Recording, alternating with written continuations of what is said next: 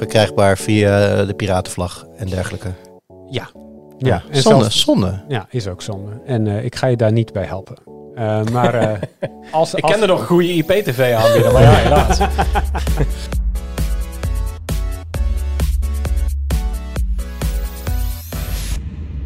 Hoi, leuk dat je luistert. Welkom bij de Tweakers podcast. Mijn naam is Arnoud. We moeten het zonder Wout doen uh, deze week, helaas. Wel aan tafel zitten Jurian Ubachs. Hey, hallo. En Thijs Hofmans. Hallo. En uh, Thijs, het is wel. Heb jij dat ook? Ik, dus ik, ik, ik doe jouw werk niet. Hè? Jij, uh, Gelukkig maar. Jij, jij hebt je specialisme op, op Tweakers. Je schrijft over privacy en beveiliging. En zelfs ik denk eind mei uh, van... hey, dit is volgens mij weer het moment in het jaar dat er een jubileum is. Ja, dat klopt, ja. ja dat heb je 25 mei staat echt heel groot omcirkeld in ja, mijn kalender. Dat en heb dat ik is, ook. Ja, want dat is namelijk het moment dat de AVG uh, vijf of uh, jarig is. Ja. En uh, dit jaar hebben we het jubileum dat hij dat hij vijf wordt voor het eerst. Ja. En dat is toch wel. Ja, elk jaar is het een nieuw jaar, dus elk jaar. Voor het is eerst voor dat hij vijf wordt? Voor het allereerst en Wow. ook voor het laatst. Dat. Tenzij je de twee jaar meerekent dat hij eigenlijk er al was. Ja, maar dat is inderdaad een beetje een technisch dingetje. Ja, dat, dat klopt. Maar laten we gewoon, iedereen weet nog in 2018 al die mailtjes die je toen kreeg. Ja. Um, dat was echt gewoon het startschot van de AVG. Toen, toen begon het geweld echt. En dat is, um, als je dit luistert op donderdag, vandaag vijf jaar geleden. Ja, inderdaad. En daar gaan we dus uh, vandaag uh, wat ik daar ook heel leuk, stilstaan. Wat ik daar leuk aan vind, is dat het een beetje samenviel met de beginperiode van deze podcast. Ja, wij zijn, in, wij zijn, wij zijn anderhalf of een maandje voordat de, deze wet in werking trad, zijn wij begonnen. Ja. Dus die eerste paar afleveringen, die gingen natuurlijk ook best wel over. Want het, Ja. toen stonden we echt op de drempel. En nu, uh, zowel de AVG als wij, Vijf Ja. jaar verder. vijf jaar verder. Ja, nice. Uh, maar voordat we daar zijn, hebben we natuurlijk nog uh, post. En nogal wat post. Uh, ik begin even bij de Abo-dag. Uh, Servaas Tilkin. Um, die zei in de laatste podcast lieten jullie, uh, meen ik, ontvallen dat je nog snel abonnee kon worden en deelnemen aan de Abo-dag. Maar dat kan niet, want die sluit op 11 mei. Jur, klopt dat? Uh, ja, dat uh, had ik ook even gemist, dat de inschrijvingen sloten op 11 mei. Dus dat betekent dat je zeker nog wel abo kunt worden en dan bij de volgende abo-dag welkom bent. Maar Ja. deze kun je niet meer voor inschrijven. Uh, ja, wij dachten ook, kom, we laten ons even van onze goede kant zien. We maken nog even reclame voor de abo-dag. Dat is wel zo gezellig. Niet meer nodig. Nee, is niet meer nodig. Uh, voor de mensen die zich al wel hebben ingeschreven trouwens uh, en die aanwezig zijn. Er staat een heel lekker programma voor je klaar. En helemaal aan het einde van het programma, dan komen wij en dan gaan we live een podcast maken. Yes. Althans, misschien zijn we er al wel eerder, maar dan gaan we een podcast maken. Precies. Ja, dus nieuwe abo's nog steeds hartstikke welkom. Maar uh, op de abodag uh, past dat niet meer. Uh, dan nog eentje voor jou, uh, Jur, over Early Access. John van Helden zegt... het ondersteunt de gameontwikkeling... vooral voor onafhankelijke ontwikkelaars met beperkte budgetten. Bovendien Ja. kun je een beetje de richting van de game aangeven via polls. En het blijft leuk om dat van dichtbij mee te maken. Uh, jij uh, was heel kritisch op Early Access een paar weken geleden. Ben je het hiermee eens? Uh, ja, ik heb toen ook de, reacties toen ook al wel gelezen. En er waren wel meer mensen die toen zeiden van ja, ik vind het wel gewoon leuk om games die ik een warm hart toedraag. Van, eh, vanaf begin af aan mee te maken, zien groeien. Inderdaad, wat hij nu ook aangeeft, met, met, feedback kun je dan een beetje helpen sturen. Dat zie ik zeker. Um, als het, het, dat is afhankelijk van twee dingen. Aan de ene kant je eigen insteek, hè, die bepaalde goodwill die je voor een game moet hebben, is heel belangrijk. En ik denk ook wel een beetje, uh, ja, deze, uh, wie was het? Uh, John, die geeft aan kleine ontwikkelaars. En dat vind ik al een heel ander verhaal. Want er zijn ook wel ontwikkelaars die je met goed fatsoen geen kleine ontwikkelaar meer kan noemen, kan noemen. Die ook gewoon hun game twee jaar lang in early access laten staan. Ja. En dat schiet in mijn ogen het doel een beetje voorbij. Dan heb je het volgens mij ook niet meer over dat groepje fans die de kans krijgt om uh, actief mee te doen aan het ontwikkelen van een game. Maar meer een ontwikkelaar die gewoon probeert een hele grote groep mensen aan het gamen te krijgen. Zodat ze ja, goed, goede beta-testers, goed, goede feedback krijgen voor 0 euro. Of tenminste, ze krijgen ervoor betaald zelfs. Ja, dus betaald beta-testen. Het is een beetje, het is een beetje een geleidende schaal van ja, waar, hoe groot mag een ontwikkelaar zijn. En, en, en, en goed, als je dan toevallig die ontwikkelaar heel leuk vindt, dan is het ook weer een ander verhaal. Maar ja, ergens zit voor mij een soort van kantelpunt waar Ja. ik het dan niet meer leuk vind, zeg maar. Precies, er is een deel waarbij je denkt van ik maak nu onderdeel uit van een toffe community, ik draag bij aan deze game, dat vind ik leuk. En op een gegeven moment gaat het over naar, nou ik speel een beetje voor Sinterklaas en ik geef het gewoon, ik Ja. geef ze geld en dan, dan, dan krijg ik daar een game voor terug, uiteindelijk over een paar jaar. Ja. Ja. Uh, Thijs, deze is, uh, is, uh, is voor jou. Dit gaat over Passkey, waar, ja. waar Wout het, het, vorige week over had. nog steeds zijn er een hoop sites die geen twee traps authenticatie hebben, 2FA. En die het wel hebben als ik eh, het wachtwoord in een manager op mijn telefoon heb zitten waar ik met biometrische gegevens toegang toe krijg en op diezelfde telefoon ook een sms binnenkomt of staat een app, hoeveel veiliger is dat? Of wat te denken van internetbankieren. Voor veel gebruikers is het waarschijnlijk geen verslechtering. Voor de mensen die het niet voor de geest halen, we hadden het vorige week over dat het uh, voor veel mensen misschien niet eens beter is een passkey, als in niet veiliger als je al met tweetrapsauthenticatie werkt. Hoe, hoe denk jij daarover? Ja, dat denk ik ook. Ik denk dat tweetraps verificatie of twee-stapsverificatie is een heel verschillende manier om dat te zeggen. Ja. Hè? Vreselijk. 2FA. Um, dat je dat, uh, dat is altijd ook een beetje een afweging van hoe makkelijk of moeilijk wil je het maken. Als je bijvoorbeeld een YubiKey gaat gebruiken, dat is denk ik op je of zo'n zo'n fysieke security sleutel, dat is dan objectief is dat denk ik veel veiliger dan dat jij zo'n appje op je telefoon hebt. Maar ja, dan moet je die sleutel weer overal mee naartoe zeulen. En dat, ja. is, dat is echt wel een hoop gedoe. En heel veel sites hebben dat inderdaad niet. En wat ga je dan doen? Dus het is altijd een afweging van hoeveel gemakkelijker wil je het maken. En het probleem met 2FA in, even in de hele brede zin des woords, is dat niemand het neemt. Um, dat zie je bijvoorbeeld, uh, een paar jaar geleden was dat dan bij Gmail, van dan boden ze het aan en dat is allemaal leuk. En dan 5% van de mensen zet dat, zet dat expliciet aan. En dat zijn nerds zoals jij en ik die dat gaan mm -hmm. doen. En dat is allemaal leuk. Uh, maar de gemiddelde gebruiker doet dat niet. En dat is bij die passkeys, denk ik dat ze een, een best wel goede mix hebben gevonden tussen dat het wel heel makkelijk is om dat te doen, versus uh, toch wel veilig. Want ik, ik zeg het altijd zo, de stap van geen 2FA gebruiken naar wel 2FA gaan gebruiken, wat voor manier dan ook, al is het maar een sms'je dat je krijgt, dat vergroot jouw beveiliging al met 95%. Ja. En die overige 5%, dat is inderdaad, gebruik je een sms'je of gebruik je zo'n app of gebruik je een YubiKey en die verschillen daartussen. Maar die verschillen zijn, zijn relatief klein in, voor, voor gemiddelde gebruikers natuurlijk. Hè? Ja. Um, die verschillen zijn dermate klein dat, dat dat weegt niet op tegen de stap die je erbij krijgt als je 2FA überhaupt inschakelt. Ja. En wat dat betreft denk ik dat die passkeys echt wel een, een, een hele goede stap zijn. Ja, heel welkom dus, dus, voor heel veel gebruikers en voor de rest. Ja, denk, denk wel, goed ja. na over wat je wel en niet gebruikt, want dat maakt die overige 5% ja. uh, nog uit. Zeker. Um, dan nog uh, die terugkwam op de Telly. Dat is die gratis tv met een tweede scherm eronder waarop advertenties vertoond kunnen worden. Ja. Hij zegt, en dit, is, dit vond ik ook leuk. Ik wacht met interesse op de eerste mods die de reclame uit die gratis tv slopen. Ik ook. Ik zou toch hopen dat een Piehole dat ook gewoon zou kunnen doen, of niet? Uh, ja, maar ik, wat me ook leuk lijkt, wat je altijd hebt gezien uh, bij dit soort afwijkende uh, vormen van bijvoorbeeld telefoons of zo, dat er dan custom ROMs komen die een hele van die functies daarin stoppen. Dus het gaat me niet eens om de advertenties weghalen, maar het feit dat meer mensen ermee bezig gaan om van dat tweede scherm echt wat leuks te maken, ja, ja dat lijkt me echt heel tof. En dat zou ik wel willen, willen volgen eigenlijk. Ja, ja, maar was het grotere probleem niet dat er een always-on microfoon in zit? Ja, er zijn een hoop problemen mee. Want volgens, dat, dat is een beetje het ding. Het hele concept is problematisch. Het, het, het, het ding is natuurlijk van, oké, okay, de mods, stel dat de mods zijn die de reclame eruit slopen, prima. Maar dan heb je nog steeds een unit met, een, nou goed, die camera die kan je eventueel afplakken. Maar ik denk als je die mic onklaar maakt, zullen zij vast een manier hebben om dat door te hebben. En dan krijg, ja. en dan krijg je gewoon die rekening van, wat was het, 500 euro? 500 dollar, ja. Ja, dus ja, die mods hartstikke leuk, maar volgens mij is dat niet, wat, is dat niet probleemoplossend, zeg maar. Nee, ja, ik, ik heb geen idee of het probleemoplossend is of dat je dan gewoon alles kan chromecasten of zo en dat het dan alsnog werkt. Wat uh, 2 kilobyte of fun nog zegt, en ik, net als Wout zit ik met de uitspraak van usernames, maar ik ga hiervoor. Um, wat hij een beetje miste, of zij, dat weet ik eigenlijk helemaal niet, uh, in de discussie over die telly, uh, was dat eigenlijk tv's nu ook al zo werken met advertenties. Um, ja, hebben we toch ook, daar hebben we het over gehad, toch? Vorige ja, maar heel, dat was heel beperkt in bepaalde menus en van die uh, gesuggereerde content. Maar wat ik net ook al zeg, het gaat mij veel meer om die camera en, en, en, en die Ja. mic en die camera. Eh, Er zijn televisies met camera's erin, want dat kan je kopen als feature. Dat, dat, dat is heel leuk. ja. Ehm, maar niet op een manier dat het verplicht is en anders moet je 500 dollar betalen. precies. En dat is een beetje, da- daar zie ik wel een heel groot verschil in uh, de positie die deze televisie inneemt qua ethiek in de markt. Ja, maar tv's houden natuurlijk. Ja, dat is. Nee, dat punt geef ik je absoluut. Daar sta ik, daar sta ik ook helemaal achter. Maar eh, wat tv's nu wel doen, is eh, gerichte reclame. Ja. Dus ze, ze proberen wel te analyseren wat je kijkt. En passen daar hun, hun advertentiebeleid op aan. En dat is toch ook al vrij ingrijpend. En dat is een beetje geruisloos in deze markt geraakt. En het klonk in eerste instantie mij ook een beetje als een whataboutism. Zo van, uh, ja, normale tv's die zijn toch ook niet helemaal zuiver op de graad op dit gebied. Maar um, ja, dat kritiekpunt vind ik toch ook wel echt uh, uh, houtsnijden eigenlijk. Wat denk jij ervan, Thijs? Eigenlijk wel hetzelfde een beetje als ja. ja. En wat Christian Gombert nog over die telly zei is... ik ben benieuwd of je als eigenaar, en hij zet tussen quotes...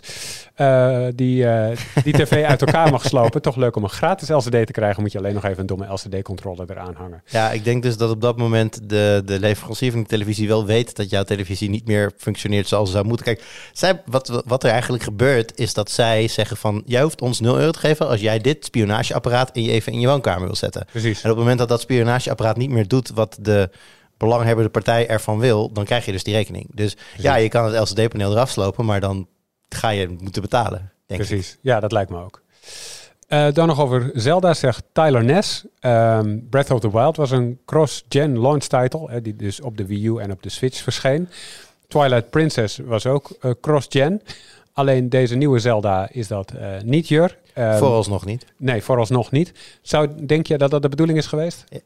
Om hem alsnog op een volgend platform uit te brengen. Nee, dat, dat die ontwikkeld is met het idee van rond deze tijd dat die uitkomt, hadden we al een, een opvolger voor de Switch in de winkels liggen. Als. Eh, nee, ik denk.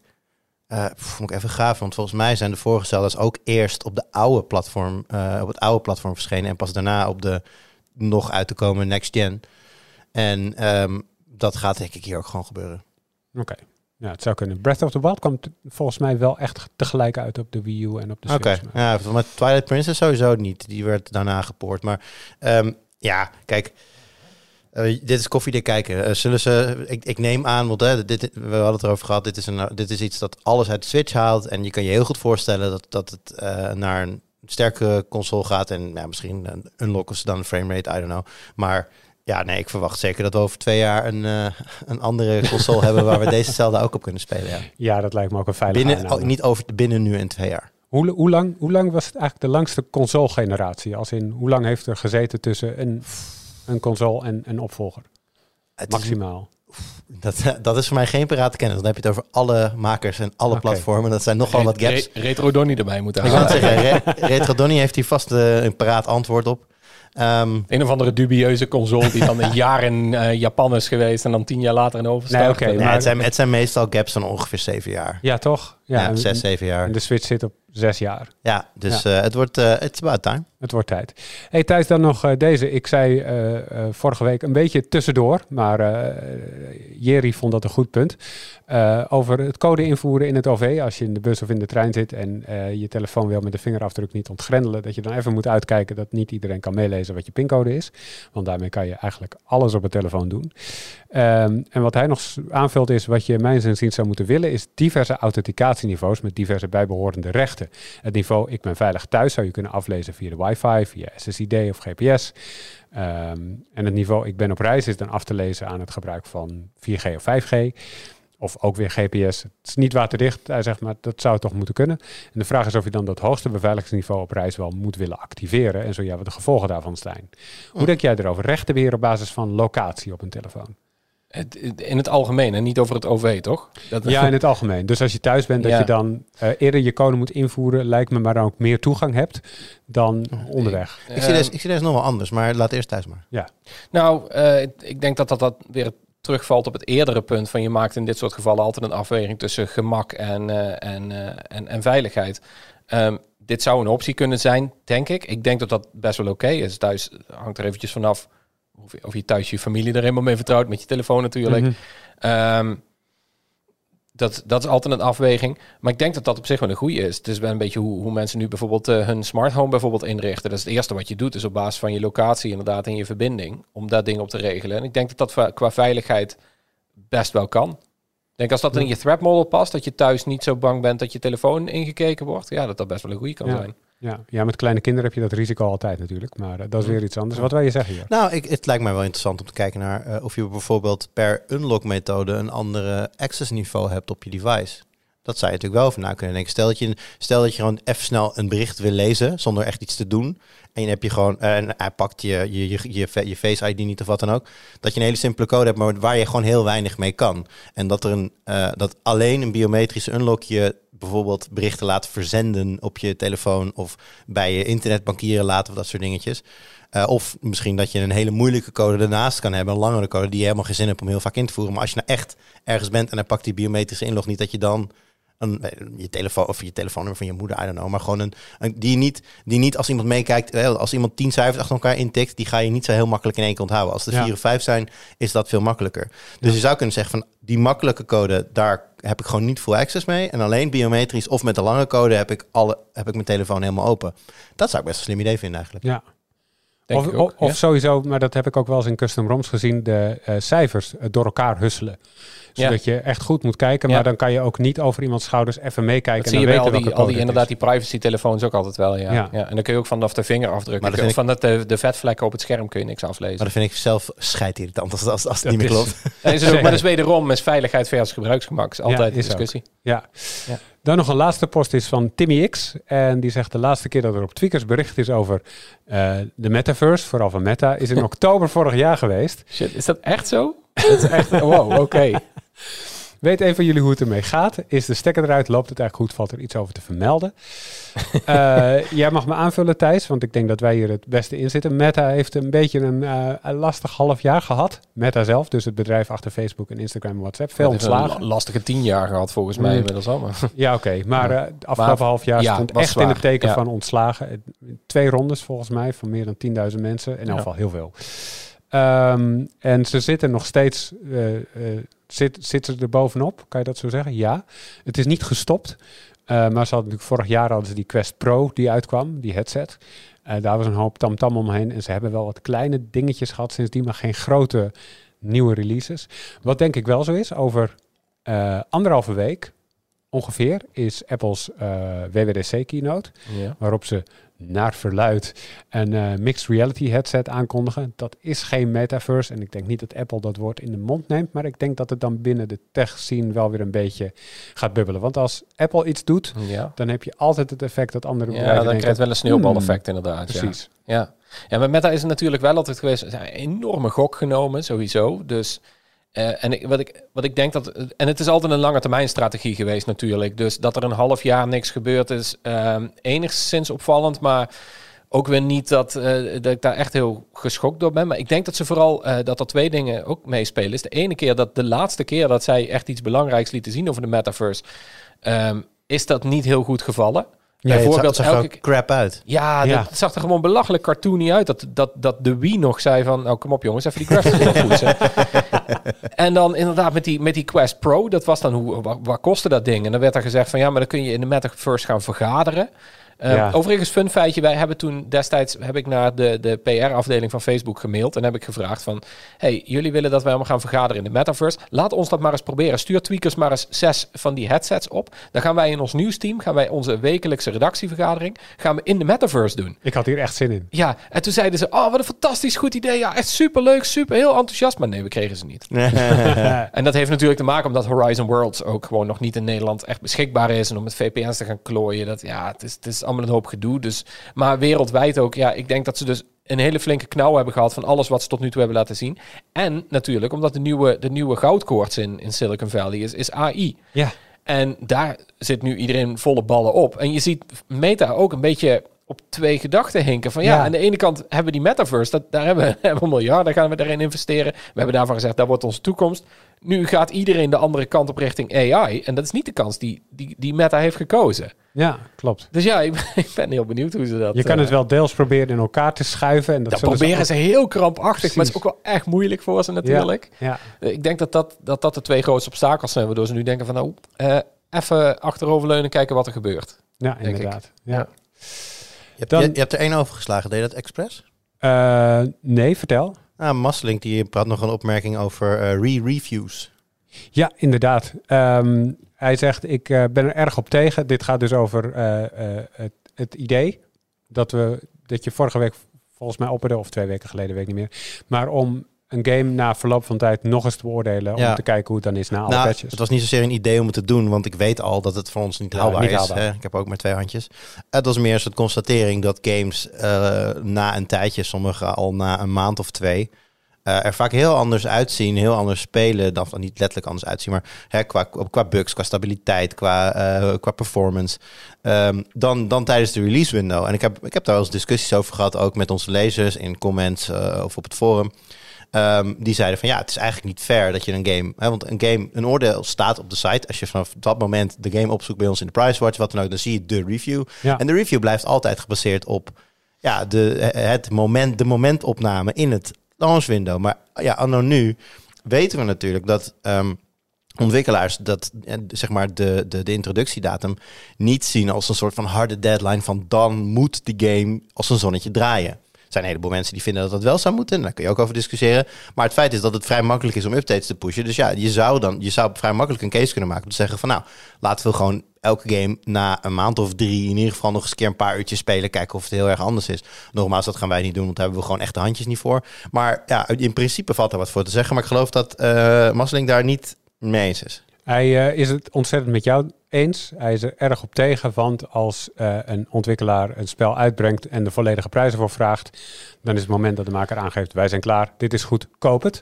En als dat dan niet zo is, dan hoort dat gewoon in de review te staan. Ja, maar hij zegt ook nog wel dat bij spellen met een hele lange levensduur, Ja. ja, zoals daar zijn Fortnite, eh, kun je een re-review doen na een x aantal seizoenen. Je hebt natuurlijk best wel veel van die ja, subscription-based games, games as a service. Die eh, lopen natuurlijk meerdere seizoenen en dan kun je eens in zoveel tijd kan je daar een keer een update van doen. Ja. Ook dat eh, wil ik heel graag doen. Ik, heb er heel, ik mail er regelmatig over met aanbieders van, eh, van dit soort games. Eh, ook daar geld, geldt gewoon voor. van, Ja, we hebben gewoon maar beperkte, beperkte capaciteit. En eh, ja, helaas betekent dat dat we dingen als Fortnite en alle andere games in, die, in diezelfde hoek over het algemeen niet echt eh, kunnen, kunnen meepakken. Dus luister je, ben je een octopus, dan heb je acht handjes, dan kun je je makkelijk vervangen en vier keer zoveel games doen. Ik vind ook wel dat je je Octopus dan gewoon vier keer zoveel moet betalen. Heerlijk, graag gedaan Octopus. Eh, highlights. Ehm Jur, dan eh, eh, blijf ik gewoon bij jou. Ja, ik denk een beetje op twee gedachten. Want aan de ene kant eh, ga ik vanavond, eh, voor de mensen die dit luisteren, was dat gisteravond eh, kijken naar de PlayStation Showcase. En dat brengt mij een beetje in een E3-vibe.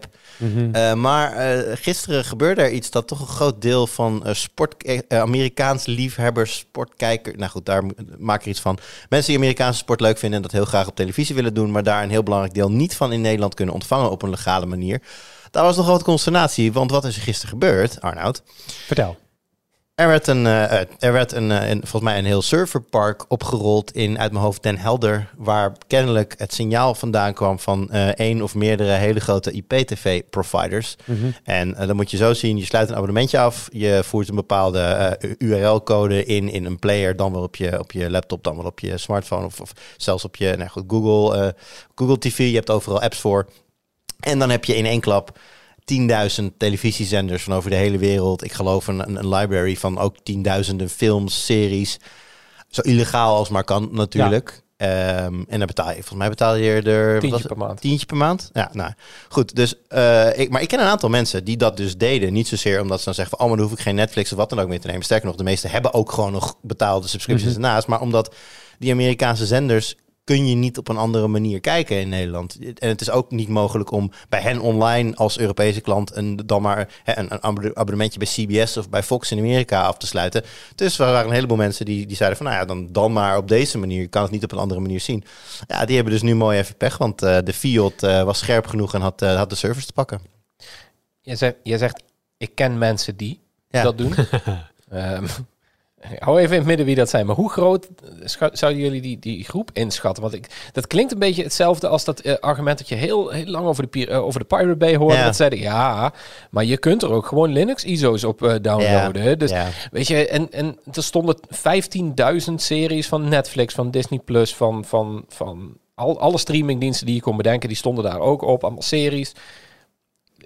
Laten we wel, laten we Het eerlijk gewoon- is zeggen van mensen keken die 10 euro per maand omdat ze al die series wilden kijken. En die, dat argument, ja, dat zijn er natuurlijk wel een paar. En ik, maar ik, ik vraag me af hoe groot die groep is van mensen die even tussen haakjes legitiem piraten.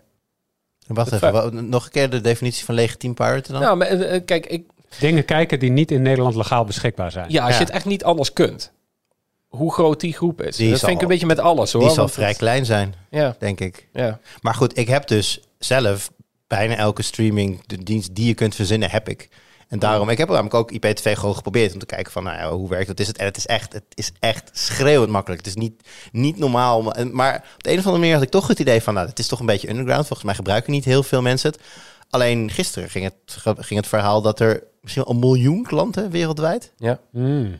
Dat, Meer- eh, dat Europol had het over meer dan een miljoen. Maar ik weet, niet, weet niet of dat... eh dat volgens mij had over Europa. honderdduizenden. Ja, En, en eh, Europol voor meer dan een, eh, een miljoen. ja. Heftig. Dus zo, zo under de radar was dat toch niet. Dus daar werden dus ook echt tientallen miljoenen, honderden miljoenen werden daar ook eh, omgezet. ja. Dus dat, eh, ja, dat eh, werd- zorg even voor, voor, voor opschudding. Uiteindelijk natuurlijk goede zaak. Ik bedoel, het is voor de, het is voor de, de rechtenhouders van. Want eh, oké, tuurlijk kun je naar dingen kijken die je niet anders kunt kijken. Maar er zijn ook heel veel dingen die je kunt kijken die wel gewoon bij rechtenhouders in, eh, in Nederland liggen. Denk aan voetbal, denk aan Formule 1, dat soort dingen. Dus Ja. ja, als je eenmaal. En je snapt de gedachtegang van iemand die dan IPTV heeft, die alles ineens voor een tientje heeft. En denk ik, ja, waarom zou je dan in vredesnaam nog via Play en Ziggo Sport en noem het allemaal maar op, eh, ap- apart van elkaar gaan betalen? Ja. Nou ja, omdat je die wel kunt blijven ontvangen op het moment dat de field eh, eh, ingrijpt. En laten we wel wezen, kijk, nu wordt natuurlijk de, de uitzendende kant wordt aangepakt. Nou, zijn, volgens mij zijn er mensen opgepakt, serverparken offli- offline getrokken. Maar het zelf, het kijken, het consumeren is ook gewoon illegaal. Eh, Mhm. volgens mij stond er in het bericht niet per se iets over plannen om op dit moment achter consumenten zelf aan te gaan. Maar er werd wel bij vermeld van. Ze noemden het wel. Ze noemden ja. het wel. Ja. Dus dat, dat, dat, het voelt een beetje een soort van waarschuwend of zo. Ja. Zo van, steek je kop niet in het zand. Het is wel gewoon eh, illegaal. En nou, ja, we hebben het verleden natuurlijk gezien met andere dingen... eh, waar eh, eh, copyright schending gebeurde... dat er best wel hoge boetes ook werden oh, uitgedeeld. Ook aan individuen en ook aan consumenten. En dat kan hier natuurlijk ook gewoon gebeuren. Dus. Ja. Over illegaal kijken gesproken. Ehm, het is niet illegaal. Mooi bruggetje. Nou, Maar, eh, eh, ja, het is misschien een beetje illegaal. Eh, het is tegen de regels van Ah, Netflix. Want dit is, dit is eh, misschien wel de grootste week voor Netflix in jaren en jaren. Want Is het een erop of eronder, denk je? Oeh, ja, ik denk het wel. Ik denk het wel. Ik denk dat je daar een goed punt hebt. Want dit is het moment waarop ze of weer de groei te pakken krijgen in het aantal abonnees. Of mensen zeggen, ja, zo belangrijk vind ik Netflix eigenlijk niet. Eh, want eh, voor de mensen die, eh, die dit gemist hebben, en kan me haast niet voorstellen, want dit stond overal en je hebt het van iedereen denk ik ook wel gehoord. Eh, Netflix is begonnen met mensen aanschrijven die hun account delen buiten het eigen huishouden. Ehm, en die wordt sterk aangeraden om 4 euro te betalen voor iedereen die ze buiten het eigen huishouden willen laten kijken. Dat gaat op basis van, van het thuisadres wat je in je account invult en, en wifi toegangspunten, denk ja, ik. is dat al definitief? Want ik weet dat ze heel veel verschillende methodes hebben geprobeerd inmiddels. Hè? Maar- Volgens mij was het die, ja, ik denk het ook. want Ja. dat is het meest, meest waterdicht. ja, en dan ook binnen een bepaalde periode. Want Ja. als je langer dan zoveel gebruikt, dan ja. Precies. Ja, dus de, de komende weken gebeurt er denk ik nog niks, want dan kunnen mensen op vakantie zijn. Ja. Sterker nog, mensen kunnen gewoon op vakantie zijn zonder aanhalingstekens. Ook. zijn nu letterlijk op vakantie. Precies, dat is gewoon een ding wat gebeurt. Ehm, ehm, maar eh, ik denk over een maand of zo dat ze dan wel actief schermen gaan laten zien van... hé, moet je eens even horen, jij kijkt, eh, maar je bent niet de, je, zit niet in het huis waar, eh, Ja. waar de accounthouder zit. Ja. Dit, dit wordt een probleem. Dus ik ben heel benieuwd hoe dat, hoe dat gaat. Heb jij daar gedachten over, Thijs? Ehm, nou ja, hoe het gaat. Ik denk dat er. Ik, ik denk dat dit gaat zoals altijd bij Netflix. Dat er een, paar, dat er een, een kleine groep is die heel hard schreeuwt van dit is echt het einde en nu ga ik er echt mee stoppen. Net zoals met toen, toen het met, ging stoppen met de VPN's. Weet je, dat Ja. Was ook een heel ding in 2014, 15 of ja, zo. zoiets. Ehm, en toen was het ook van ja, maar dan ga ik echt stoppen. En ik denk in de praktijk dat er dan. Ja, pak een beetje 10% weggaat, daadwerkelijk gaat stoppen of zo. Of, of 15, dat, dat calculeren ze natuurlijk in. Versus, hè, dat is gewoon een, een, een duidelijke business case waarbij ze duidelijk hebben afgewogen van we verwachten dat die mensen weggaan en dat dit de inkomsten zijn en dat zal tegen elkaar opwegen. Ja. Dat vermoed ik. Ja, dat Dus- denk ik ook. Aan de andere kant, wat me enorm opviel. ehm, in Nederland en België kost het toevoegen van een lid 4 euro per maand. In Spanje, Portugal was het al gesplitst. Portugal was 4 euro, Spanje Ja. was 6 euro. Ja. In Amerika is het 8 dollar. En ik vraag me Ja. af wat dat zegt, maar ik denk dat ze vermoeden dat Nederlanders niet heel geneigd zijn om te gaan betalen. Nee, ik denk het inderdaad ook niet. Ehm, Stereotype overal de Nederlanders, dat ja. wordt wel weer bevestigd. Maar ook Ik, België. maar ik vind sowieso wel eventjes van Netflix in de afgelopen jaren heeft natuurlijk met, met de opkomst van al die nieuwe streamingdiensten wel echt laten zien dat ze gewoon echt achterlopen. Ehm eventjes op de inhoud ervan, van welke series en films dat ze aanbieden, daar, daar heb ik geen mening over, want dat verschilt natuurlijk voor iedereen. Dus ja. is het dat waard? Ja, dat is heel persoonlijk. Maar de prijs staat gewoon totaal niet meer in verhouding voor wat je voor bijna alle diensten kunt betalen. En Ja. misschien is dat gewoon een race to the bottom die we nu aan het zien zijn bij alle streamingdiensten. Want laten we wel wezen, Disney, dat komt toch ook niet uit met, met 8 euro per maand of zo. Ik kan me niet voorstellen dat dat, dat, dat houdbaar blijft of zo. en maar- die hebben al prijzen lopen verhogen afgelopen jaar. ja, precies. maar Netflix zit daar gewoon ver boven. En ik vraag Disney me is af... immens. Hè? Ik bedoel, Disney, Ja, Disney kan natuurlijk eventueel, Ja. als zij marktaandeel willen, kunnen zij prima gewoon een paar euro per klant inleveren en dan... Ja, maar goed, dan krijgen we dus wel een race to the bottom. Dat inderdaad, net zoals de flitsbezorgers, of eigenlijk de thuisbezorgdiensten, dat het gewoon gaat om Ja. zoveel mogelijk klanten, zo Ja. snel mogelijk de rest uit de markt prijzen en zo. En dan de prijzen gaan verhogen. Ja. Ehm, en ja, ik vraag me af of, of we dat nu gaan zien met Netflix. Dat nog steeds wel, volgens mij, de grootste, of in ieder geval de, de, Zeker. Ik heb helemaal niet idee dat er een race naar de bottom gaan is. Ik bedoel, we zitten natuurlijk nu midden in de, in de, in de, in de switch van HBO Max naar Max, wat in, waarschijnlijk ook in Nederland een, tot stijgende prijzen gaat leiden straks. Eh, Misschien is de bottom dan al bereikt en al jaar geleden al of zo. bereikt, ja. Ik denk eigenlijk dat ze gewoon naar elkaar kijken. Dat ze steeds juist met, samen met elkaar steeds een stapje erop doen. Zo van, oké, Ja. maar wacht even. Als, als het allergoedkoopste een paar euro omhoog gaat, dan kunnen wij ook wel iets erom op. Ik denk eerder dat we, dat, dat, dat, dat we een slow climb naar de top hebben dan een, dan een race to the bottom. Ja, en, nogmaals, slow misschien climb. is die bottom dan een paar jaar geleden al bereikt. Want toen HBO hieruit kwam, was 4 euro per maand kon je ervoor, kon je Ja. ervoor betalen. Met die levenslange 50% korting of zo. Ja, eh, Ja, die had je trouwens wel. is 3 euro per maand. Ja, ga weg man. Dat komt, dat komt toch nooit uit? Waarschijnlijk, het is niet helemaal bevestigd, maar waarschijnlijk eh, trouwens in je Max abonnement komt- komt- wordt een nieuwe prijs. Maar waarschijnlijk houden de mensen met die lifetime Ja. 50%, Ja. die houden wel die korting. Alleen het bedrag waarover je korting gekregen wordt hoger, dus wordt jouw bedrag ook Ja, hoger. Precies, maar minder hoger dan, dan voor de rest. Ja. Ja. Maar ik ben zo'n accountdeler die zegt dag eh, als, als eh, deze melding komt. Ja, ik nog niet. Ik ben er eentje die gewoon al jaren een Ik account heeft voor eigenlijk gewoon de, de, de, de medium abonnement of zo. Mhm. En die gewoon eigenlijk altijd te lui is geweest om het op te zeggen. Dat is eigenlijk hoe ik, hoe ik ben. Ja, nee, Ik heb het ben- gewoon al zo lang. Ik en gebruik denk, het is ook goed. gewoon best wel veel. Ja? Dus, Ja, ja. ik op zich ook wel, maar niet zoveel dat ik denk van eigenlijk is het die, wat kost het inmiddels, 12, 13 euro per maand of zo wat ik betaal. Eigenlijk is het dan niet meer waard. Nee. ja, ik weet eigenlijk niet. Als ik, als, ik, als ik een berekening zou moeten loslaten op hoeveel uren ik er plezier van heb, dan denk ik eigenlijk dat het het wel waard is. Ja, Onze oud-collega Julian, dan weet ik nog wel, die had echt zo'n spreadsheetje. Daar ging hij inzetten van welke series dat hij nog wilde kijken en wanneer. en dan ging hij dat combineren. En dan één keer in de zoveel tijd nam Ja. hij een maand een abonnement op Disney. Ging hij alles bingen.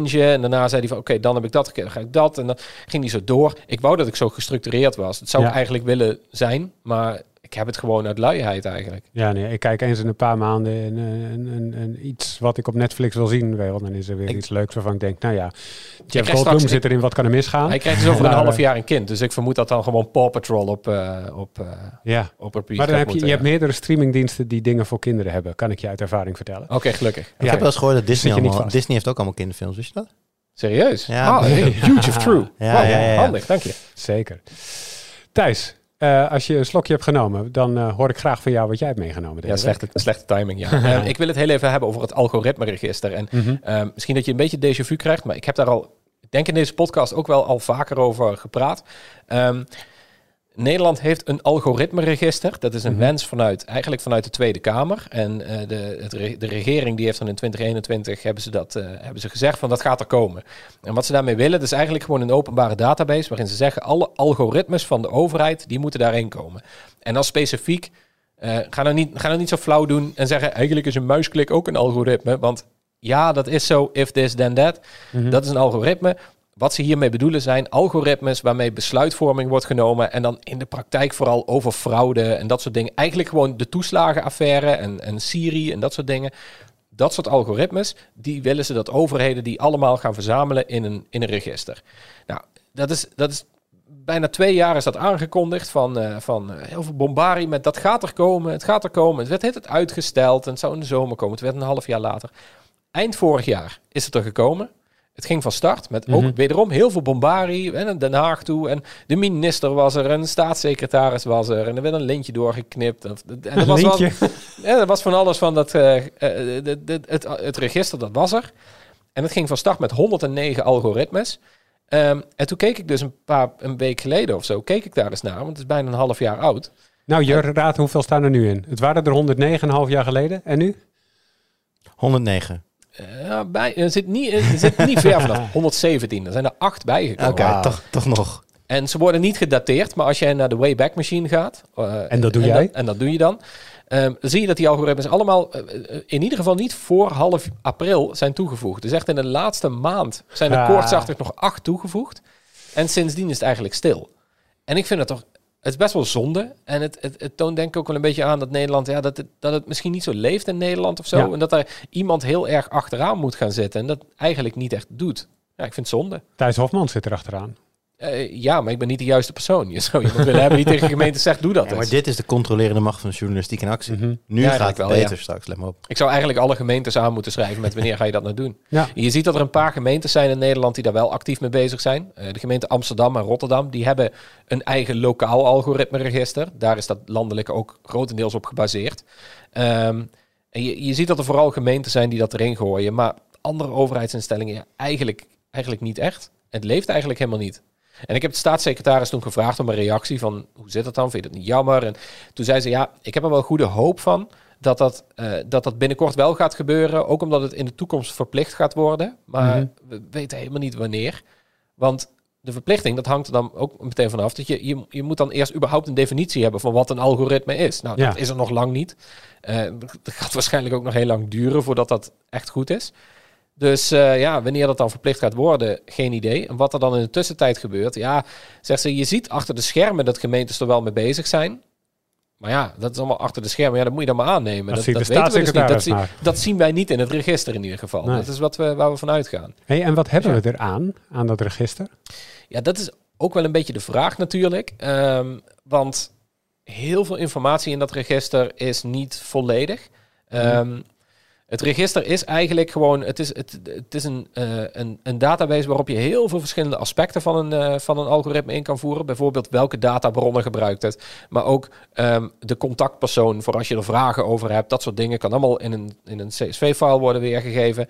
Ehm, en dat zou je dan kunnen raadplegen. Alleen bij heel veel van die algoritmes die er nu in staan, is die informatie echt maar voor, voor, voor de helft gevuld, of nog niet eens. Ja. Heel veel van die informatie ontbreekt gewoon. Dus, dus van, we hebben het, maar we vertellen niet hoe het werkt, of wat de databronnen zijn. Dus ja, daar valt het al een beetje plat op. En verder, ja, het is de bedoeling dat, dat je het dan kan controleren en dat je er vragen over kunt stellen. Maar dit is, daar komen we straks ook wel een beetje op. Net als, net als de AVG. eh, de bewijslast daarvan ligt best wel bij de burger. Ah, En dat is toch een beetje, ja, ja. eh, Zie je, zie, zie er maar aan staan. Als jij een toeslagenouder bent, dan heb je denk ik ook wel wat anders aan je hoofd dan dat je wil Ja. uitzoeken hoe dat register werkt. En ook omdat al die informatie van die register, ja, je kunt dat ook in principe opvragen via een WOP-verzoek bijvoorbeeld, Mhm. WO-verzoek inmiddels. Eh, dus het is niet zo alsof, dat, alsof dit echt heel veel zoden aan de dijk gaat zetten, denk ik. Maar dit was een vurige wens van de Tweede Kamer. En die zeiden algoritmes, die zijn evil. Dat is eigenlijk een fundamentele wijziging van pak een beetje vijf, tien jaar geleden of zo. Ja. Dat we eigenlijk allemaal zeiden van fraude bestrijden is het belangrijkste dat er is in Nederland. En dat doen we met slimme algoritmes en veel data. Nou, en met de toeslagenaffaire en andere schandalen zoals Siri hebben we gezien dat dat veel te veel is doorgeslagen. Nu zegt de overheid radicale transparantie. ja. Zonder eigenlijk te weten van wa- waar, waarom doen we dit. ja, en het probleem is ook, als het door een algoritme is, is nog geen vastomlijnd iets.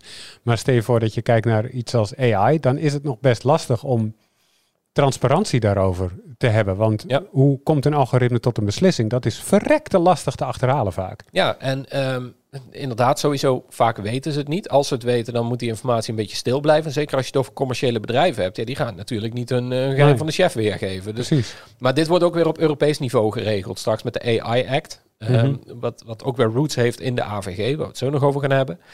Dus eh, ja, het, het komt allemaal een beetje samen met elkaar. Ja. Dus ja, Nou, kijk over een half jaar waar het eh, dan weer staat. ja of, of, of, of over vijf 117. jaar. 117. Nog steeds 117? Of Ja. 125 dan? Nog achter. of minder dan een paar Oh, uitgaven. gewoon minder. Gewoon weer terug op 109. Ja. Ja. Maar we kunnen ook vijf jaar vooruit kijken, Arnoud. Wie Hmm. weet wat er dan gebeurt. Ja, inderdaad. Dit klinkt alsof je een, eh, een, een weggetje plaveit voor een bruggetje. Maar Ja. ik wil het nog Oh, je even hebben nog over, even- oh ja, over echt iets heel leuks. Over dingen gesproken. Ja, dit is, dit is ook weer een bruggetje wat net niet past. Maar over dingen die je niet legaal in Nederland kan kijken gesproken. Nice. De Blackberry film, die is uit. Ja, Eh, dat is een ik ben film. zo hyped. Oh ja, oh terecht. Over precies wat je denkt waar het over gaat. Namelijk, het is een soort van geschiedenis van eh, ehm, de smartphonemaker BlackBerry eh, uit Canada. Het is ook een Canadese film. Gebaseerd op het boek Losing the Signal van eh, twee, wederom Canadese auteurs die, eh, die helemaal daarin gedoken zijn. Heel goed, heel goed boek ook. En het is, eh, het is geen documentaire. Het zijn geen sprekende poppen met beelden eroverheen. Het is een soort van fictie.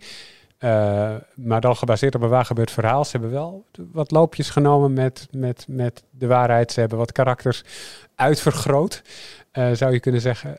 Ook van, van gewoon de oprichters van BlackBerry en de, en de co-CEO's. Die, die, want BlackBerry die had twee CEO's jarenlang. Eén, dat was het zakelijke type en de ander was de nerd, zeg maar zoals... Wozniak en Jobs, ja. Zoals Wozniak en Jobs bij Apple, dat had BlackBerry eigenlijk ook. Volgens mij hadden ze dat ook wel een beetje als voorbeeld. Ehm, dus dat was echt daar het geval. Maar dat hebben ze ook echt enorm uitvergroot. Dus de co-CEO die, die de nerd van de twee is, die zie je ook de helft van de tijd in beeld telefoons uit elkaar slopen of modems of whatever. Dingen uit elkaar slopen om ze te fixen. Uh, ik vind het echt heel leuk. Um, uh, het, is, uh, het is heel onderhoudend. Je moet het niet kijken voor de historische waarde. Als je denkt van ik wil nu echt weten hoe met BlackBerry zit, dat moet je even, dan kan je beter het boek lezen. Of, uh, of, of zelf allemaal dingen opzoeken uit de tijd dat BlackBerry echt actief was. Maar als je denkt van hé, hey, ik vind tech leuk en ik vind films leuk, dan is dit echt topvermaak. En dan kun je heel goed, kun je heel goed anderhalf uur, twee uur op, op stuk slaan. Nou, had hij al in de bioscoop?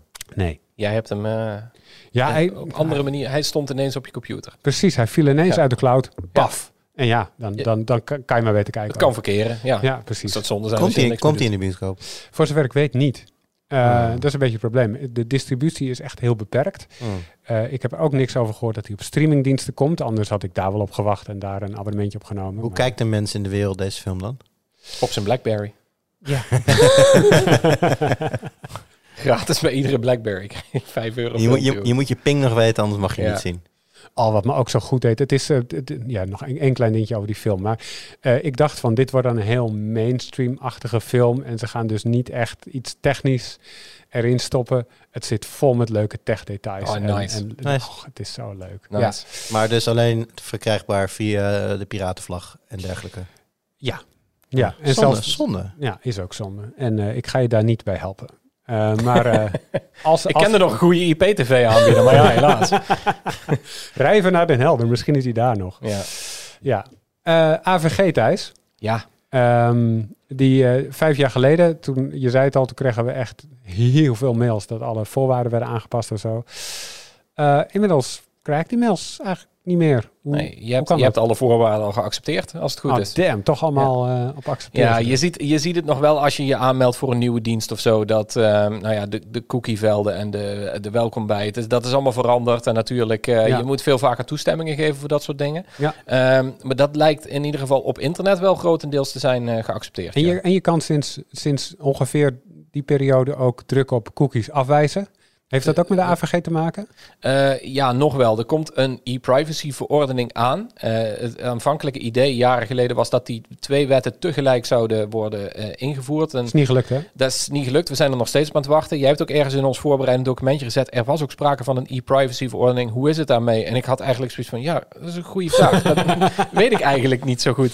Het laatste wat ik daarvan hoorde was dat, dat, dat ze ermee bezig waren. Maar dat Mhm. is tien jaar geleden al. Oeh. Ehm, dus in de praktijk inderdaad komt... eh, komt eh, kijk, de AVG die gaat over alles wat met persoonsgegevens te maken heeft. En de e-privacy-verordening zou dan specifiek het deel regelen voor cookies en telecom en dat soort data. Ja, Ehm, maar in de praktijk is, is die verordening er nog niet. Dus moeten we het hebben over de AVG. En de AVG die regelt dus alles met persoonsgegevens. En daar vallen cookies dus ook onder. oké. Dus moet je inderdaad de cookie-waarschuwingen, dat valt nu nog onder de AVG. Ja, oké. Maar ehm, ja, laten we gewoon even algemeen beginnen. Hoe staat het na vijf jaar met de AVG? Ja, nou, volgens, volgens mij best goed. Het is een fun feitje. Ik sprak dus vorige week, of twee weken geleden inmiddels alweer, als je dit hoort, eh, met uh, Aleid Wolfsen van de Autoriteit Persoonsgegevens. Ik, ik spreek die eigenlijk in de praktijk ieder jaar rond deze periode. En Mhm. dan vraag ik hem dus altijd van, hoe is het met de AVG nu? Gewoon heel breed, van hebben we dat in Nederland door? En dit jaar ook weer, dat zegt hij elk jaar, begint hij dan en zegt hij, ja, volgens mij, zegt hij dan een beetje twijfelend, gaat het wel de goede kant op? Hmm. En toen zegt hij van, ja, en ik ben dan laatst naar het ministerie geweest. En dan heb ik ook eens, heb ik ze eens bijgepraat over hoe ze daar met persoonsgegevens moeten omgaan. Het ministerie van Justitie. Daar beginnen ze het ook wel door te krijgen.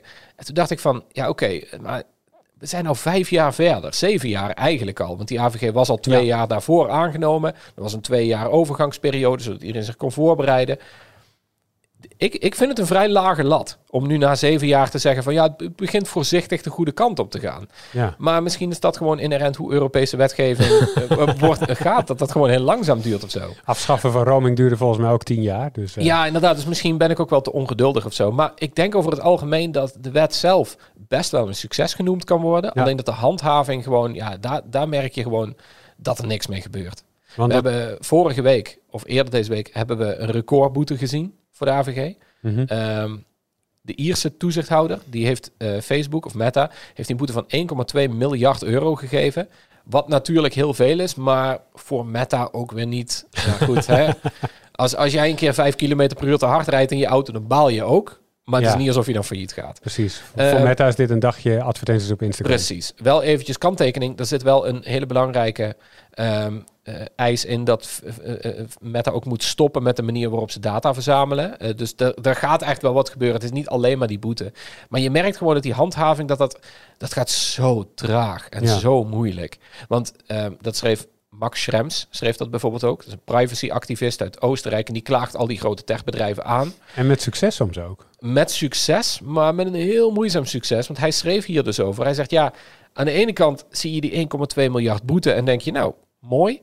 Aan de andere kant, ik ben, zegt hij, daar tien jaar mee bezig geweest om die boete te krijgen. En ik heb Mhm. dat via het Europees Hof van Justitie moeten aanvechten. Voordat er eindelijk eens een keer iets gedaan moet worden. Ja. En hij moest naar de, de, de Europese koepel van, van privacy toezichthouders en, en echt smeken van ga alsjeblieft nou eens achter Facebook aan. Het moest gerechtelijke uitspraken voorkomen. Het is niet alsof dit gewoon komt omdat we nu eindelijk een wet hebben. Yes, nu kunnen we ervoor gaan. En Ja. dat merk je heel goed dat dat achterblijft. En dat zie je in Nederland op kleine schaal ook wel. Dat het aantal boetes blijft gewoon ver achter. En ja, dat is gewoon ja, zonde. En heb je een idee over de, de bewustwording rond privacy? Want van de week hadden we weer, en ik kijk gelijk Jur aan, want die weet hier ongetwijfeld ook veel van. Het plan om eh, voetbalstadions eh, daar hooligans te weren door eh, met vingerafdrukken te werken. Oh, dat heb ik helemaal niet meegekregen. Dat was een plan wat eh, in ieder geval eh, ja, wat de KNVB onderzoekt en het Openbaar Ministerie kijkt er ook naar. Ik weet niet precies waar het vandaan kwam. Ehm, Hm. En ik dacht gelijk, ho, maar mag dat wel? Want er waren allemaal dingen over rond de AVG. Hebben ze een paar jaar geleden overigens ook al geprobeerd met gezichtsherkenningscamera's. Dat Ja. was toen ook al een heel heet hangijzer. Ehm, ja, ik denk over het algemeen dat er wel bewustzijn is over persoonsgegevens. En wat je daar wel en niet mee kan. In ieder geval bij bedrijven. Omdat die ook wel weten van als we hier niet goed mee omgaan. ehm dan sowieso kun je een boete krijgen. En dat risico, dat is- dat is klein, maar is nog Mhm. steeds wel aanwezig.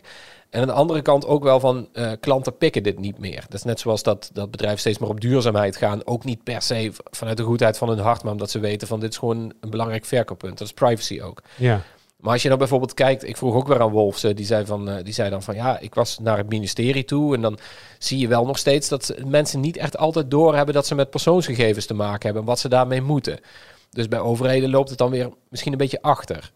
Dus ja, ja, ja dat, dat zijn, dat zijn, dat, er is wel bewustzijn van, maar wat dan de precieze regels zijn, die worden nog niet altijd even goed nageleefd. Nee, ik had vooral het idee, daarom noem ik dit voorbeeld, van ehm, eh, ik, ik heb vaak het idee dat privacy nu wel meer eh, bij mensen in het achterhoofd zit. Maar er komt zo'n plan en- en dan heb ik nog nergens wat gezien van, hey, heeft iemand even gekeken naar de AVG, hoe je hier Nee, precies mee omgaat? Privacy delft eigenlijk altijd het onderspit tegen, nou ja, praktisch alles. Ja. Het is ook gewoon, het is niet sexy. Eh. Wat heel vervelend is voor mijn functie, overigens. Gelukkig ben eh, jij super sexy, dus dat scheelt. Eh, dat is dan weer waar. Kijk mijn kakkie jasje eventjes. Als je Da, da, da, da. Ja, kijkt. trouwens, dat is even een daar, sexy, kun je jasje. even een memo sturen als we allemaal in jasje gaan? Ik dacht, ik, tegen een keer een trui aan en dan komen jullie in een jasje. Ja. Jongen, jongen. Ja, niet afgesproken, nee. Ehm, nee, maar ook, ehm, je ziet heel vaak in de discussie over de AVG altijd een beetje... ehm, het is een beetje een valse tegenstelling, maar privacy versus veiligheid. Zo wordt het altijd een beetje geframed, ook in Ja. de politiek. Ook als het gaat over, over dingen zoals...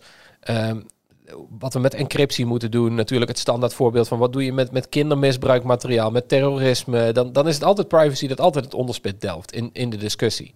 Ja. Dat is altijd nog steeds minder, minder sexy. Omdat het Ja. ook gewoon is van ja, wat is een persoonsgegeven nou eigenlijk en wat maakt dat nou allemaal uit? Ja. Dat is wel zo. Ja. Maar het bewustzijn daarover dat dat een, een ding is, dat je daar ook wel aan moet denken.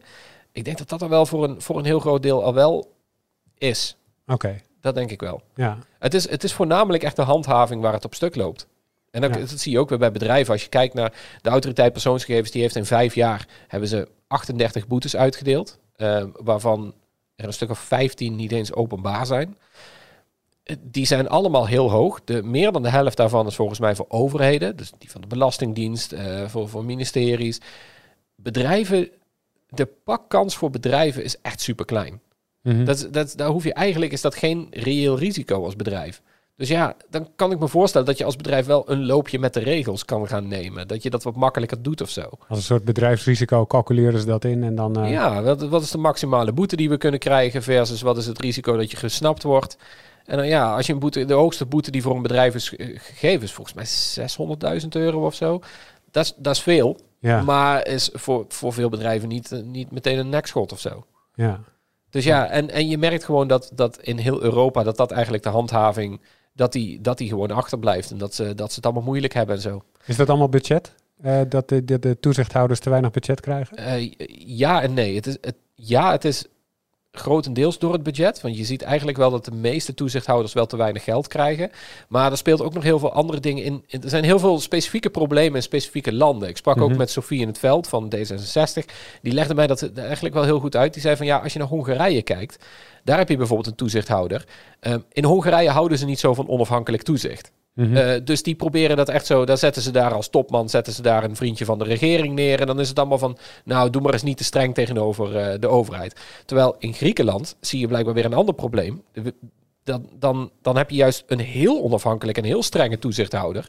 En zegt de regering eigenlijk van. Oeh, daar zijn we ook niet zo blij mee. Geef die maar eens wat minder budget. Ah. Dat speelt er allemaal mee. En, en je ziet bijvoorbeeld in, eh, het, het verschil tussen de Nederlandse en de Belgische toezichthouder. Mhm. Dat is astronomisch in wat daar gebeurt. In Nederland hebben wij vorig jaar 13.000 privacyklachten gekregen. En Mhm. 25.000 datalekmeldingen. 25.000. In België is er 1400. Oké. Terwijl Ze zo zijn heel goed in zijn databeveiliging in België. ja, ontzettend. Of mensen weten gewoon, denk ik, eh, Nederland beter te vinden. Hmm. Eh, en, en we zeggen altijd van ja, Nederland is heel gedigitaliseerd. Eh, veel meer dan veel andere landen.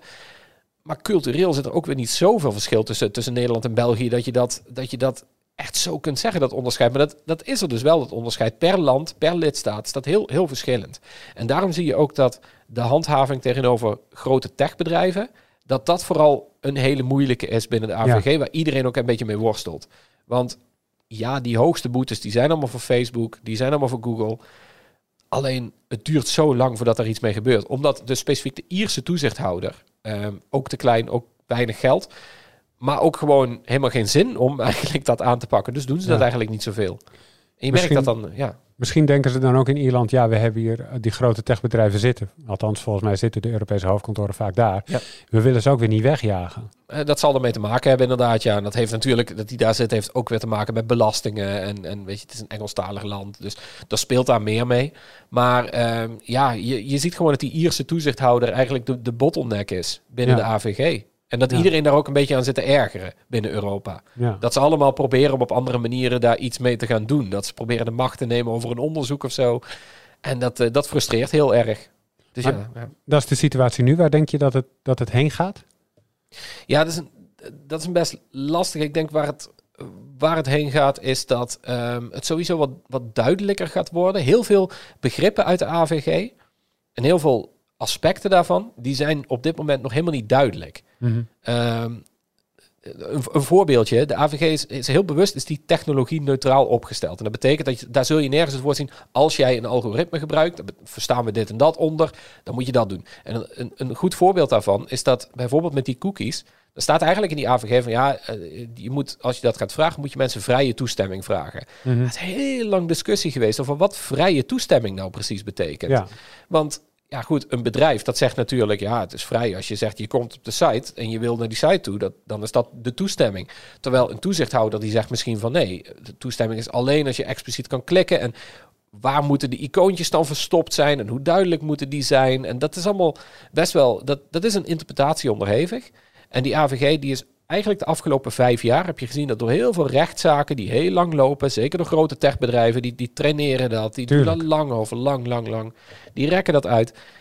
Eindelijk begint daar een beetje begrip voor te komen, dat we eindelijk eens weten van dit wordt verstaan onder toestemming. En dit wordt verstaan onder het belang om iets te doen of niet. Ja. En als dat eenmaal duidelijk is, dan kunnen toezichthouders ook wel makkelijker gaan handhaven.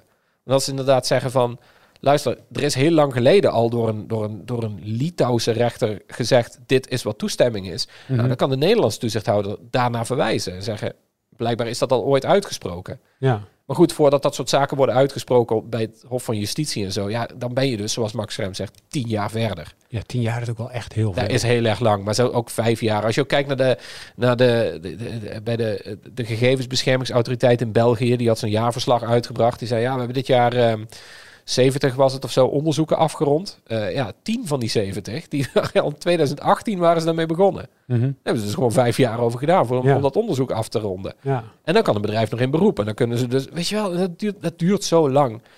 En je hoopt dat na vijf jaar, en misschien is dat wel wat Aleid Wolfsen dan ook bedoelt, is dat je na vijf jaar eindelijk zegt, ja, het begint te komen. Want het begint wat eindelijk duidelijk te worden. Mhm. Dus ik denk dat het daar heel veel heen gaat. Ik hoop dat, dat handhaving dan wel iets makkelijker gaat worden. Omdat het gewoon duidelijker is wat je moet doen. Ja. Hey Jur, denk jij anders over privacy nu na vijf jaar AVG dan dat je vijf jaar geleden deed? Ehm, vind ik lastig, want ik weet niet meer hoe ik er exact vijf jaar geleden over dacht. Maar ehm, ik heb niet, dat idee heb ik niet, nee. Oké. Jij wel? Ja, ik denk het wel. Daarom vroeg ik het ook. Want, eh, nou ja, dit- ik heb het idee dat ik er vijf tot zes tot zeven, in ieder geval voordat de AVG echt in werking was getreden en daar veel aandacht voor was, ehm, had ik het idee dat, eh, dat ik er wat lakser mee was. En nu dacht ik, ja, nee, maar het is mijn persoonlijke data. Dat is wel echt van mij. Ja. En dan mag je niet zomaar een loopje meenemen en ook niet een beetje. En ik heb wel het idee dat dat bewustzijn een beetje is gekomen door de aandacht daarvoor. Rond Dat zou wel kunnen. Ik zie het ook wat meer, maar misschien dat ik daarom eh, denk dat ik niet echt veranderd ben. Ik, ben dus, ik sta er een beetje cynisch in. Kijk, voor mij is privacy veel meer dan alleen je data. En alleen wel iets simpels als dat de politie een oproep doet om eh, allemaal je deurbelbeelden door te sturen op het moment dat er iemand gezocht wordt. En dan blijkt ineens de hele wijk toch wel gewoon de openbare weg te filmen. Ja. Zoiets simpels als dat geeft al aan van op privacy, op privacy is nog zoveel te winnen. Er gaat zoveel mis Ja, dat ik ook zoiets heb, denk ik ben er niet mee bezig, omdat ik helemaal geen zin heb om de hele beerput te overzien. Ik bedoel, in die zin ben ik niet mee bezig. Ik laat niet eh, op plekken mijn gegevens achter waar het niet nodig is, zeg maar. Maar ik ben niet zo heel positief over, de, over hoe, eh, hoe het gesteld is met onze privacy. Mhm. En ik denk dat ik dat vijf jaar geleden ook niet heel erg was. Dus Mhm. in die zin is er weinig veranderd. En jij Thijs? Ja, ik, ik zit te denken wat ik, wat ik ervan vind. Ik vind het een moeilijke. Ik, ik, ben, ik merk dat ik cynischer ben geworden over mezelf. Dat ik makkelijker denk van... Ja, weet je, even als voorbeeld. Als je, mij, als je mijn naam googelt, dan vind je gewoon mijn adres daar staan. Eh, Ja. mijn, mijn telefoonnummer en zo. Want dat staat in de KVK, want ik ben nooit zelfstandig ondernemer geweest een paar jaar geleden. En dat krijg je Mhm. daar niet meer weg. En het moet helemaal en aarde bewegen om dat weg te krijgen. En dat gaat dan niet lukken. Mhm.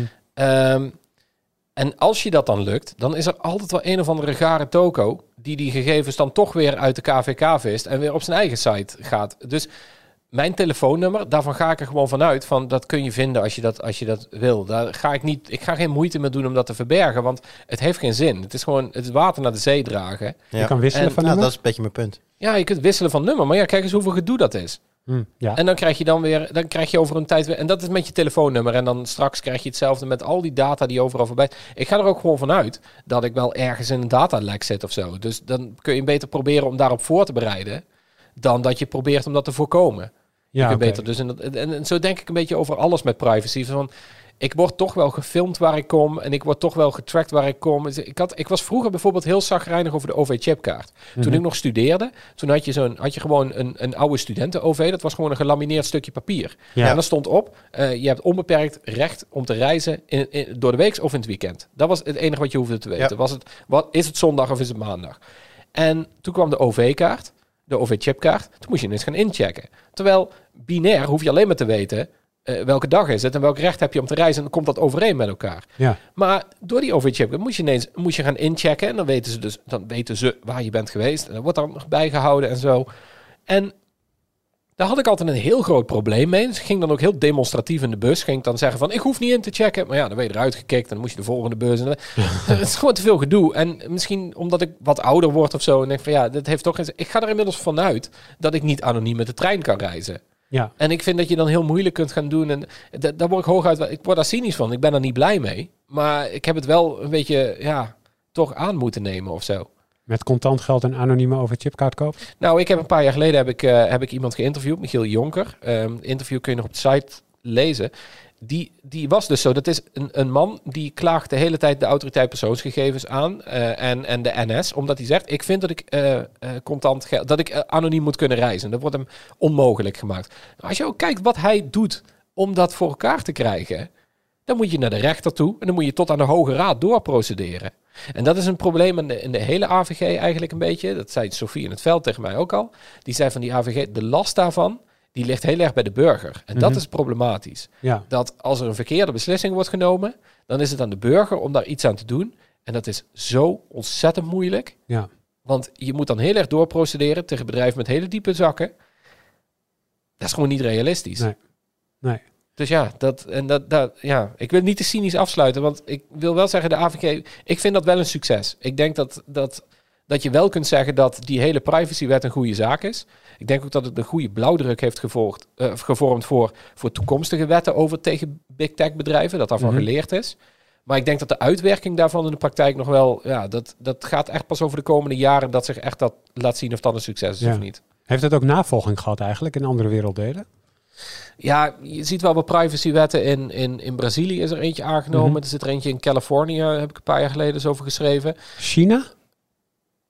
China had er ook een volgens mij. China en privacywet eh, zijn dat- twee ik woorden weet dat die ik niet snel bij elkaar had genoemd. Dat zou ik niet durven te zeggen. Ehm, ik weet dat Amerika er op federaal niveau heel erg mee bezig is. Maar dat dat, eh, ja goed, het, die hele wet wordt natuurlijk kapot gelobbyd. Dat was met de AVG ook.